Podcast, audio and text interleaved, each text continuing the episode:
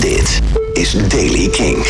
Nieuws over boze muziek, Sam Fender, Pinkpop, Fontaine's DC en Amber Run. Dit is de Daily King van vrijdag 6 december.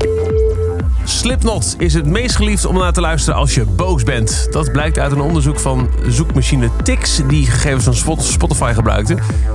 Slipknot is de meest populaire artiest voor boze mensen. Het meest geliefde boze liedje is Down with the Sickness van Disturbed.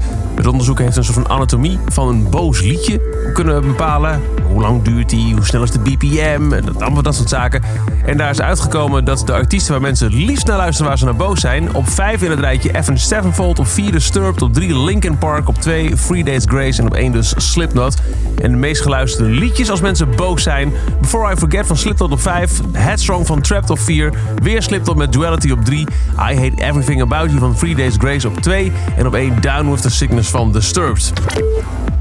Weer heeft Sam Fender wegens gezondheidsproblemen shows moeten afzeggen. Grote shows in de O2 Academy Bristol en de O2 Academy Birmingham... die respectievelijk gisteren en vandaag zullen plaatsvinden...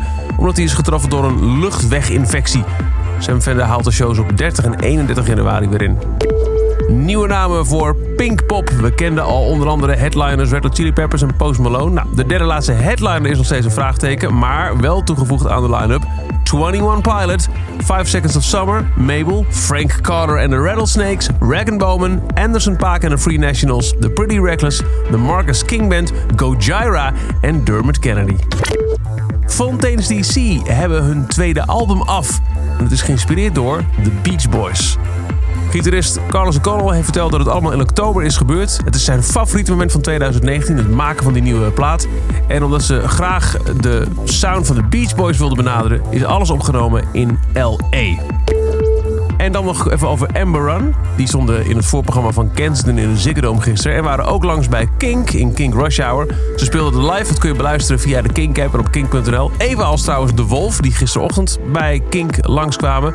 En ze hadden een, eh, een mooie primeur, de mannen van Amber Run. Want ze spelen namelijk op 16 april in Paradiso, Amsterdam. En tot zover de Daily Kink. Elke dag in een paar minuten het laatste muzieknieuws. Wil je niks missen? Dan luister je dag in dag uit via kink.nl, de Kink app of via je favoriete podcast app. Elke dag het laatste muzieknieuws en de belangrijkste releases in de Daily King. Check hem op king.nl of vraag om Daily King aan je smart speaker.